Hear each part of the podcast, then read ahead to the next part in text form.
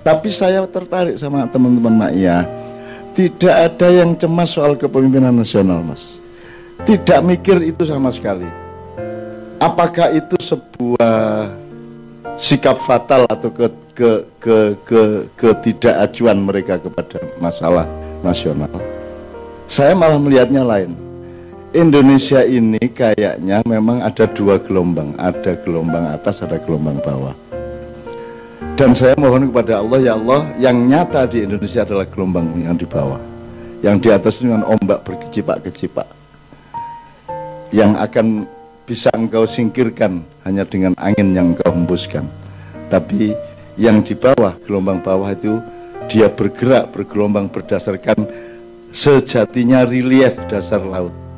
Nah, dasar laut ini gelombangnya yang ini. Jadi itu alamiah. Nah saya melihatnya gini Mas Irman, iki engko sing didelok Gusti Allah iki sing dhuwur apa sing nisor. Nah aku njaluk sing nisor. Karena semua yang anda omongkan tadi itu adalah persiapan anda untuk suatu hari anda yang akan di atas nanti.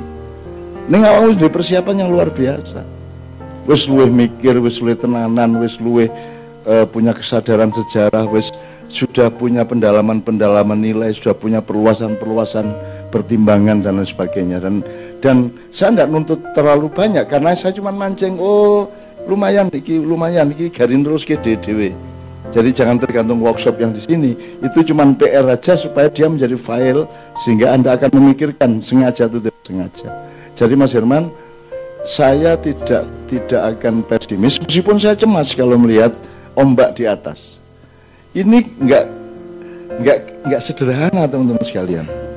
Ini sudah akan sampai ke Uni Soviet, Rusia sudah akan sampai ke Turki, sudah akan sampai ke Arab, sudah sampai ke Amerika, sudah sampai ke Cina, sudah segala macam. Kita ini adalah janda tua yang diperebutkan habis-habisan. Kan gitu. Sebenarnya ini sangat mencemaskan. Kalau lihat letaknya nggak letak doi. Kalau Anda baca medsos, gue wes orang yang ingin saling membunuh, Thomas. Betul enggak? Kalau orang sudah ngomongnya sampai sebegitu busuk kepada sesama manusia, itu kan sebenarnya mereka sudah saling ingin memusnahkan. Jadi orang mengertak seperti yang, seperti yang dicemaskan Mas Firman. Saya kira maksud beliau seperti itu. Cuman saya melihat tak pancing-pancing, tak rungok-rungok ke bocah-bocah ki tidak ada di gelombang itu sama sekali. Teman-teman ini adalah anak-anak yang memang oleh Allah saya sudah sering bilang yang di surat Al-Maidah 54 dan anda memang dipersiapkan. Meskipun tidak akan clean, tidak akan fix, tidak. Ya. Tapi saya kira kalau hancurnya Indonesia itu terjadinya paling di Jakarta, mulai harus pindah. Tapi kalau di kabupaten-kabupaten di daerah-daerah insya Allah sangat kecil prosentasenya untuk pecah belah atau untuk retak-retak seperti yang kita cemaskan pada malam hari ini. Nah aku untuk caca ini Alhamdulillah banget kok gitu loh. Nah, jadi saya kira Mas Hirman mencemaskan sesuatu yang juga mulia dan Anda semua juga menjalani sesuatu yang mulia. Lah nek ana cah SMA iki, kelas piro le kuwi? Lho, kelas telu dhek wis duwe wis wani ngomong kurikulum piye to kok kaya ngene iki itu kuwi Lu zaman aku meng anut grup yo, Mas. Kita dulu belum enggak enggak ngomong gitu. Ini berarti Allah sudah mempersiapkan. Memang akan harus ada perubahan-perubahan tatanan, hukum, konstitusi dan seterusnya memang. Kalau tidak, apa yang sekarang sudah digadekan, dijual belikan, tidak akan bisa menjadi milik Anda kembali. Tapi Anda juga jangan terlalu terpesona kepada pemilikan dunia. Ojo khawatir. Kadang-kadang orang itu mendapatkan hikmah justru karena dia karena dia terbatas. Ono wong sing ora patiya sugih dadi apik banget sing rada melarat tapi apik banget. Begitu rada sugih sithik mulai elek, begitu suge malah malah tambah nemen sak piturute. Jadi sebenarnya ada ukuran-ukuran yang tidak dikenal. Karena kita ini terlalu kapitalistik, terlalu berpikir uang, terlalu berpikir. Tapi kan canom saya kira, saya kan Anda sudah punya perhatian-perhatian yang luar biasa terhadap nilai-nilai yang sangat luas. Anda sudah menjalani takdib. Meskipun Anda bersekolah, orang apa-apa mas, orang apa-apa. Wong cah sekolah saiki nek ora nang makiyahan durung anu kok durung kerasa durung sekolah kok. Apa jenenge kurang apa jenenge? Kurang gaul. Tidak gaul. Nek senang makian gaul lah kira-kira gitu ya. Saya tidak mengatakan maknya umpul, maknya rano, apa-apa aku sekolah bola bali ya. Tolong jangan dipikir maknya ingin kebesaran, ora ora no. Kita cuman mamayu hayu ning bawono kalau Jawa. Kita cuman ingin uh, anu lah, jangan sampai terlalu pekewo kepada Allah wong Gusti Allah nggak ini mentes kaya ngono kok ming gepeng-gepeng wae ming kopong-kopong wae. Jadi kita coba menumbuhkan semampu-mampu kita kira seperti itu. Jadi tidak apa-apa kita, kita kita pembelajarannya anu lah, pembelajarannya tingkat takdibnya Mas Tanto lah. Jadi mudah-mudahan Allah mengijabai karena itu sebenarnya kritik sangat titis kepada bangsa Indonesia yang sekarang sedang mengalami seperti ini. Wong kue semut-semut ireng rano sing iso ngalahke malah anak-anak sapi. Anak mbok dadi sapi ning nggo beleh-belehane wong. Sapi turute monggo kowe wis tahu wis tahu kena meriem ya. Sing sumute loro kuwi kuwi wis kena uh, kuwi wis ngalami ning Surabaya iki digranat. Nanas apa kuwi mau? Sak piturute. Terus malah kuwi dicancang ning wit gori akhirnya dicacah karo pitik kan gitu jadi sekarang itu kita sedang dicacah-cacah pitik nanti kita hubungkan dengan empat segitiga akhir zaman nah tapi itu bulan depan insya Allah supaya Anda mengerti di mana Anda berada dan Anda punya alternatif yang keempat. Jadi ada ada segitiga singkat ya. Iblis, Dajjal, Ya'juj Ma'juj sedang bekerja sangat intensif sekarang. Segitiga yang ketiga, yang kedua adalah Fir'aun, Haman, sama Korun. Sangat jelas di depan Anda Segitiga yang ketiga adalah Athulathia Al-Muqaddasah. Kiai Kanjeng syukur bisa menyiapkan nomor Athulathia Al-Muqaddasah yaitu takbir apa namanya? Uh, Hijrah Rasul. Mudah-mudahan nanti pemainnya agak lengkap bulan depan amin ya rabbal alamin.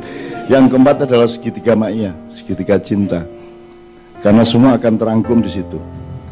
Apalagi sudah dengan penjelasan mengenai umat Nabi Muhammad adalah orang semua orang-orang yang beriman Artinya dia tidak mungkin bekerja untuk mencelakakan siapa pun. Gitu loh.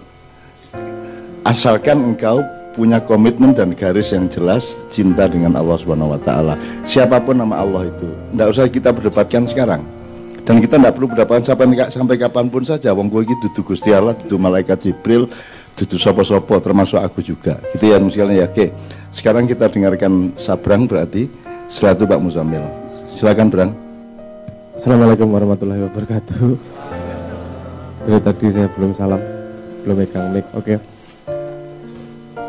Yang saya lihat dari dari dari apa yang terjadi di sini dari percakapan itu tadi, saya tidak akan membahas tentang tematiknya. Karena kalau saya melihat, saya sendiri melihat apa yang dilakukan Cak Non, apa yang ditulis, apa yang dikatakan dan seterusnya adalah trigger trigger dari sesuatu yang ada di dalam diri pendengarnya atau pembacanya.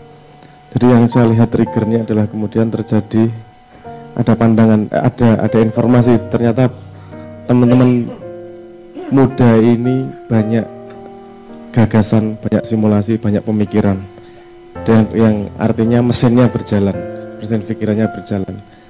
Kalau mesin pikirannya sudah berjalan, kalau kayu sepedanya sudah, eh kalau pedal sepedanya sudah dikayuh, sudah bisa berjalan, yang diperlukan kemudian adalah keseimbangan. Dan saya melihat di sini juga terjadi keseimbangan, di mana tadi ada yang ngomong selip sedikit responnya seperti ini, ada yang ngomong selip sedikit responnya seperti ini. Dan kalau ngomongnya standar respon itu ternyata standarnya juga tidak hanya keseimbangan keseimbangan aja, tidak hanya keseimbangan pada satu kuda-kuda, ternyata juga bisa ganti kuda-kuda untuk beberapa jenis keseimbangan. Karena selip yang terjadi pada kalimat-kalimat awal yang tidak terlalu tepat ketika ditabrakkan dengan standar kalimat yang dikeluarkan oleh Pak Tanto itu seharusnya kalau keseimbangannya pada kuda-kuda yang sama akan terjadi reaksi yang lebih besar tapi ternyata bisa uh, bisa mereposisi diri untuk bisa menerima informasi, memfilter, distilasi dan mengkurasi informasi tersebut sehingga bisa diambil intisarinya. Ini menurut menurut saya sudah modal luar biasa dan jadi saya hanya pada konklusi saling sama dengan Cak Nun bahwa masa depan Indonesia tidak benar-benar gelap kok. Kita masih punya mesin-mesin pemuda yang berjalan luar biasa dengan modal keseimbangan, dengan modal kuda-kuda yang lincah. Dan satu lagi ditambah ini tadi betapa kita banyak tertawa dari segala sisi itu semua dilandasi oleh cuaca kemesraan. Dan menurut saya tidak ada model yang lebih lengkap daripada itu untuk menyongsong Indonesia masa depannya. Alhamdulillah semoga kita semua bisa menjaga ketajaman berpikir, keseimbangan berkuda-kuda, kelincahan untuk menjaga kuda-kuda pada perkembangan zaman, dan terus bisa menjaga cuaca, kedamaian, dan kemesraan lagi-lagi untuk menyongsong masa depan. Karena jawaban masa depan hanya bisa dihadapi dengan inovasi kepala yang penuh dengan keseimbangan itu tadi. Konklusi saya mungkin itu saja, nggak panjang-panjang. Wassalamualaikum warahmatullahi wabarakatuh. Terima kasih, Brang. Terima kasih. Saya ngeresponnya gini dikit aja. Reposisi pada Sabrang yang diungkapkan Sabrang adalah bahwa Anda sudah berada pada pekerjaan yang tepat di zaman yang tepat untuk zaman berikutnya yang memang menunggu Anda. Semua masih gelap, tetapi yang tidak gelap adalah bahwa Anda mengerjakannya dengan benar-benar. Lumayan kok, istiqomahmu lumayan, Alhamdulillah. Dan cuman yang saya cemas cuma satu, asal gini, harta benda Indonesia dihabisin, tambang-tambang dikuras habis, keuangan Indonesia tidak di tangan orang Indonesia dan seterusnya. Ya, saya tidak perlu kasih contoh-contoh nanti nanti ke satu dua nanti, gitu ya. Tapi pokoknya menurut saya jangan cemas soal materi. Apakah itu untuk menumpuk-numpuknya atau untuk kehilangan? Kedua-duanya tidak boleh cemas. Tidak usah cemas bahwa Anda bisa atau tidak bisa menumpuk harta benda dan juga tidak usah cemas bahwa Anda akan kehabisan harta benda. Allah Maha Besar akan terjadi daur ulang yang luar biasa dan itu soal itu hanya soal reposisi kalau kata Sabrang. Itu nanti soal perubahan kalimat sedikit semua sudah bisa menjadi milik Anda kembali. Itu pun kalau Anda terpesona kepada harta benda. Tapi saya mohon Anda tidak usah terpesona kepada harta benda karena Anda ini cuma hidup sebentar untuk hidup yang selamanya. Karena Anda ini cuma lah sudah tahun, petong puluh tahun, walung puluh tahun. Wabtaghi fima atakallahu darul akhirah walatan sanasi baga minat dunia. Besok-besok kita omongkan nasib bakat itu saya tanya sama nasib bakat, nasib sama takdir itu bedanya apa? Coba Anda browsing nanti. Ya Anda nanti akan menurut saya bagaimana nanti saya kasih tahu bulan depan sambil kita menunggu kembali dalang dari gereja. Oke ya, jadi teman sekalian, aku njaluk kue ojo cemas soal dunia. Asal anda fal rabb hadzal bait yang berjanji alladzi at'amahu min ju wa amanahu min khauf. Rasa cemas. Sing penting tandang tandang tandang tandang tandang cuman nasibmu di dunia itu bukan sugih pemelarat nasibmu di dunia adalah ketepatan kerjaanmu ketepatan posisimu ketepatan tandangmu ketepatan posisimu di dalam suatu struktur dalam satu bagian manajemen di dalam satu nanti ketepatan bekerja, ketepatan ketepatan menempatkan diri. Jadi nek kowe iki nasib karo Gusti Allah dadeke suket yo ojo berjuang dadi wit kelopo. Sebenarnya itu aja. Nasib itu adalah ketentuan Allah yang sifatnya menyeluruh total dan tertulis di Lauhil Mahfud. Kue bakat iki, kue bakat iki, cenderung iki, cenderung iki. Kue aja ngelakoni sing sing sing dudu kowe. Kalau takdir itu adalah keputusan-keputusan kasuistik atas keseluruhan nasib itu. Gitu ya. Jadi misalnya kowe kudune ketemu sapa ning Malioboro wis kencan, eh alah jebul takdirnya bicara lain kowe selip sak menit jurah ketemu itu takdir. Kalau nasib itu adalah keseluruhan dari ketentuan Allah pada hidupmu kue nek kucing kue ojo ojo ojo ngire nek kowe wedhus kowe aja nyapi nek kowe kebu aja gajah sak piturute temukan dirimu masing-masing dan percayalah kepada Allah bahwa Anda dihidupi sebagai kerbau, Anda dihidupi sebagai kambing, Anda dihidupi sebagai apa pun saja asal Anda setia kepada dirimu. Saya saya membuktikan kepada Tuhan kepada saya dan Tuhan saya buktikan di dalam hidup saya sampai umur 66 tahun ini saya melakukan itu. Walatan sanasi bagaimana dunia mbok aku kepencur kaya ngopo nek kuwi dudu nasibku di lauhil mahfud ora tak lakoni mbok aku entuk emas sak ton ning ngarepku nek kuwi dudu nasibku di lauhil mahfud ora arep tak jemuk ayune kaya ngopo sing tak terima dari bojoku adalah yang tertulis di Lauhul Mahfud. Lu piye carane ngerti? Ayo dititeni bendino. Dititeni dirasake bendino. Sebenarnya sekolah itu untuk itu, untuk untuk membimbing orang untuk mengetahui nasibnya. Kok saiki sekolah nggak nasib dewi? Kabeh dikongkon nek ora kedokteran ya farmasi, nek farmasi visipol, nek visipol fakultas lain dan seterusnya itu itu semua sebenarnya semua sebenarnya menyinggung perasaan Tuhan setengah mati saya mintakan maaf anda semua itu. Anda itu menyakiti Tuhan. Seluruh manusia di dunia ini nyakiti Tuhan. Bangetan gue dan aku tidak peduli nasibku. Yang aku lakukan adalah memohonkan ampun kepada Allah atas semua manusia. Jadi dolek awakmu tenang. Terima nasib kui karena itu yang terbaik bagi Allah. Tidak ada rumput cemburu kepada padi, tidak ada padi cemburu kepada kelapa, tidak ada kelapa cemburu kepada binatang, tidak ada binatang cemburu kepada manusia. Itu yang terbaik. Maka masukilah dengan tadris, taklim, ta'rif dan takdib maka engkau akan menemukan keindahannya dan anda kan sudah belajar menemukan keindahan di dalam tingkat-tingkat keseimbangan yang luar biasa yang anda alami selama ini nyun sewu ya ke zaman Nabi Adam orang no wong lumpuk semene kae. Kadang-kadang sampai 20 ribu 30 ribu nganti jam loro bengi jam telu bengi ora tau ono zaman kanjeng Nabi ya urung semene kae wonge. Terus ya orang lumpuk nganti semene suwene iki. Dan anda luar biasa. Mas Tanto yang kayak begitu Anda punya balance ya untuk menerima. Anda coba saya iki Kristen Islam ngene ngene ngene iki minoritas mayoritas macam-macam wah tema era karu-karuan coba di sini begitu mesranya orang ketangku ya aku perlu ebian ya dicolong suka aku biar yes. jurmangkel kiai kanjeng sing kancane dhewe ora dikeki malah dalang suka kono kae dikeki ngono kuwi Kiai Kanjeng. Ning saiki wis ora dinggo ben ora nglarani Kiai Kanjeng. Ngono kira-kira. Itu maksudnya ya. Ngerti maksud saya? Puaslah dengan dirimu yang dinasipin oleh Allah, yang dinasibkan oleh Allah. Soal takdir itu dialektika sehari-hari.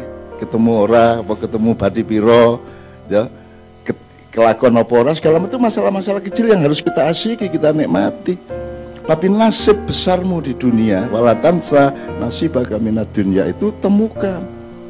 Temukan.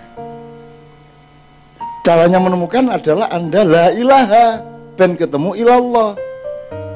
Aku kokian iko ilallah, iko ilallah, ilo kabeh kok Allah ke kabeh, kabeh kok kepencerut, pengen iki, pengen iki kabeh. Orang duwe poso uripmu iki. Urip poso, apa sing ora poso kok sekondo to? Sing ora poso ki apa? Jadi nomor satu hidup itu berpuasa. Berpuasa itu bukan bukan memangan orang mangan subuh nganti maghrib. Poso itu adalah Anda mengerti batas Anda. Anda mengerti diri Anda, Anda mengerti zat Anda, Anda mengerti sifat Anda, Anda mengerti karakter Anda dan seterusnya.